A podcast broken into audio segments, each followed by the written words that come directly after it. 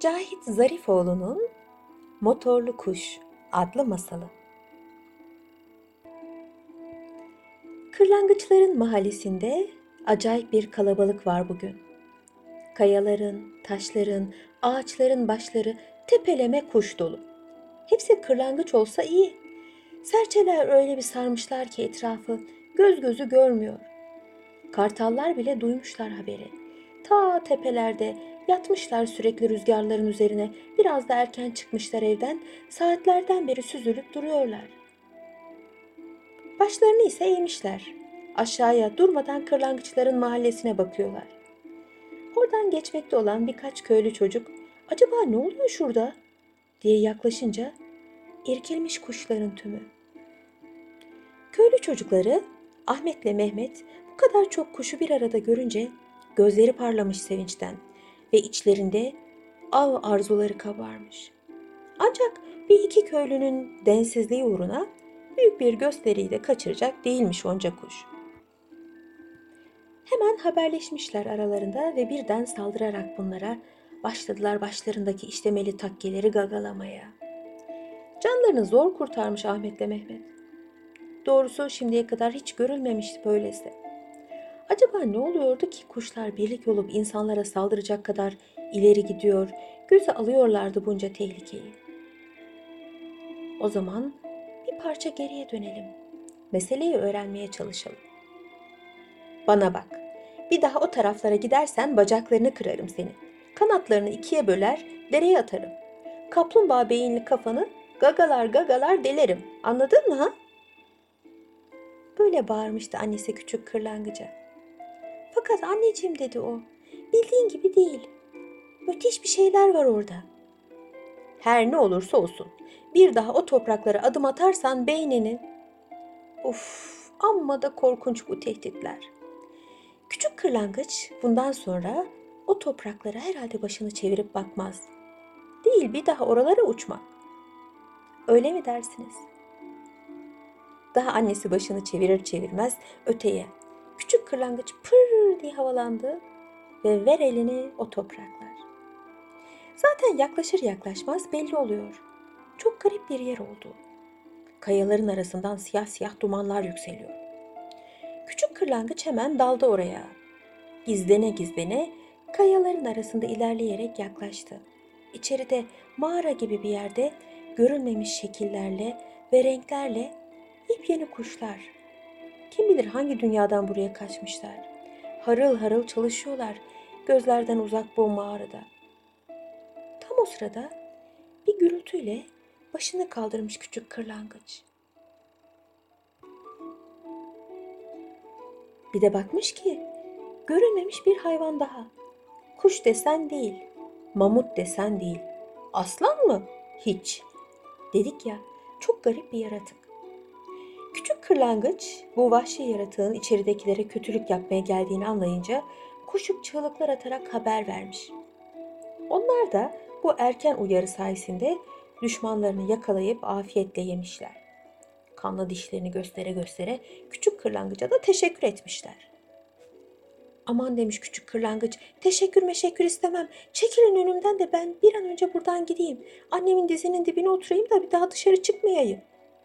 Olur mu hiç demiş kuşlardan biri. Bize büyük iyilikte bulundun. O hayvan bizim neslimizi kurutacaktı. Zaten kala kala bir tek bizler kaldık. Bize otokuş derler. Görüyorsun kanatlarımız var ama çok kısa. Biz asıl motorlarla donatılmışız. Onlarla uçarız. Sana da bir motor takacağız. O zaman göreceksin nasıl yıldırım gibi uçacaksın. Herkes sana hayran kalacak. Demiş küçük kırlangıç. Elbette. Bakma sen bizim kanlı ağızlarımıza. İçimiz çok iyidir bizim.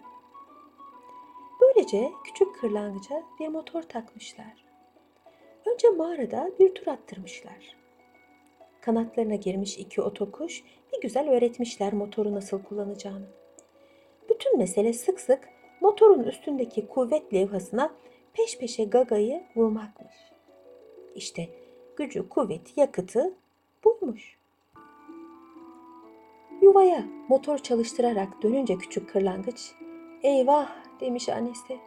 Tahmin etmeliydim. Demek şimdi de seni düşürdüler tuzağa. Neler söylüyorsun anneciğim demiş küçük kırlangıç. Ne tuzağı? Ve başlamış bütün olup bitenleri anlatmaya.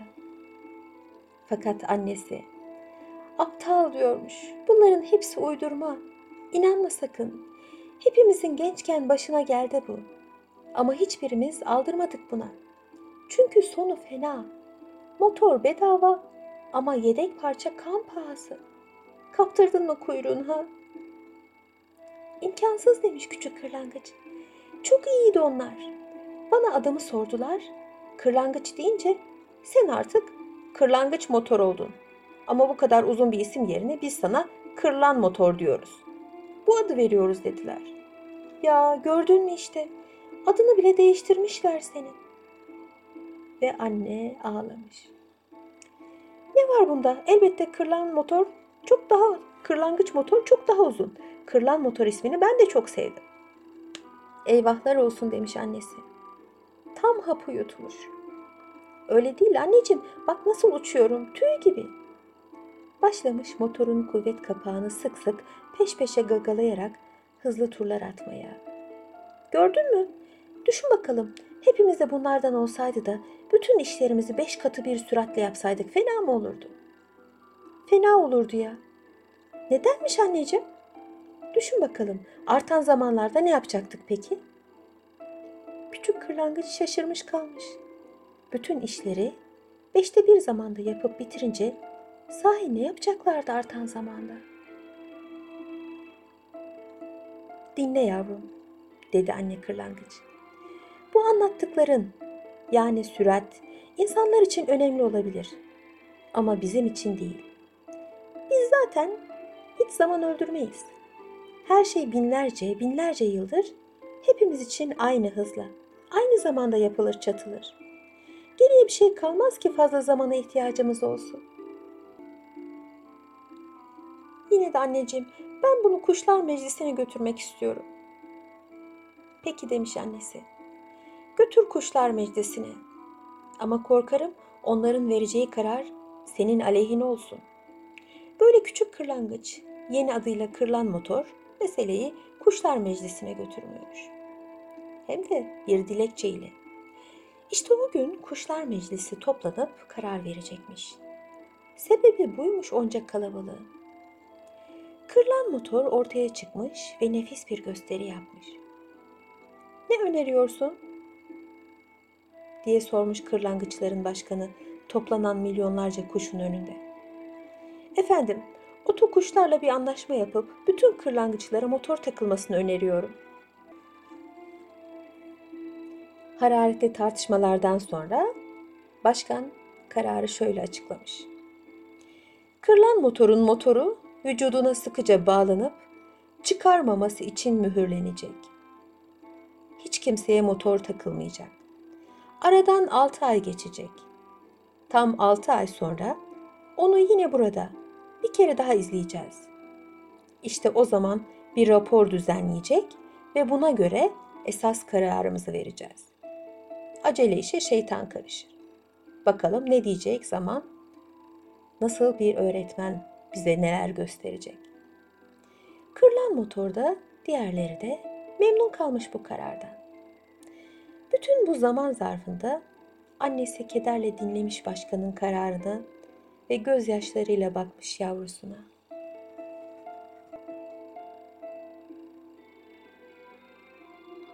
Aradan tam altı ay geçmiş. Yine milyonlarca kuş birikmiş ağaçlara. Cıvıl cıvıl kuşlar. Rengarenk kaynaşarak toplanmışlar. Kırlan motoru beklerken aralarında şakalaşmış, tartışmış, her türlü düşünceler ortaya atmışlar. Hele gençler. İstiyorlarmış ki olumlu bir karar çıksın da hepsi takınsın motorlar. Derken geliyor nidalarıyla başlarını çevirmişler. Evet o, ta kendisi. Kırlan motor bu. Ama hareketleri yavaş. Yüzlerce yıllık ağır bir tanker hurdası gibi geliyor. Uzmanlar hemen almış etrafını. İki dakikada derken beş saatte zor hazırlamışlar raporlarını. İşte bu raporun çok kısa bir özeti. Vücut motoru yabancı madde diye dışarıya atmak istemiş ancak başaramayınca etrafını sarmış. Artık motoru vücuttan ayırmak imkansız. Kullanılmadığı için kanatlar gittikçe körelmişler. Motoru çıkarılsa bu kanatlarla uçması imkansız. Gagalamaktan kırılan motorun başı sersemlemiş, beyni sulanmış.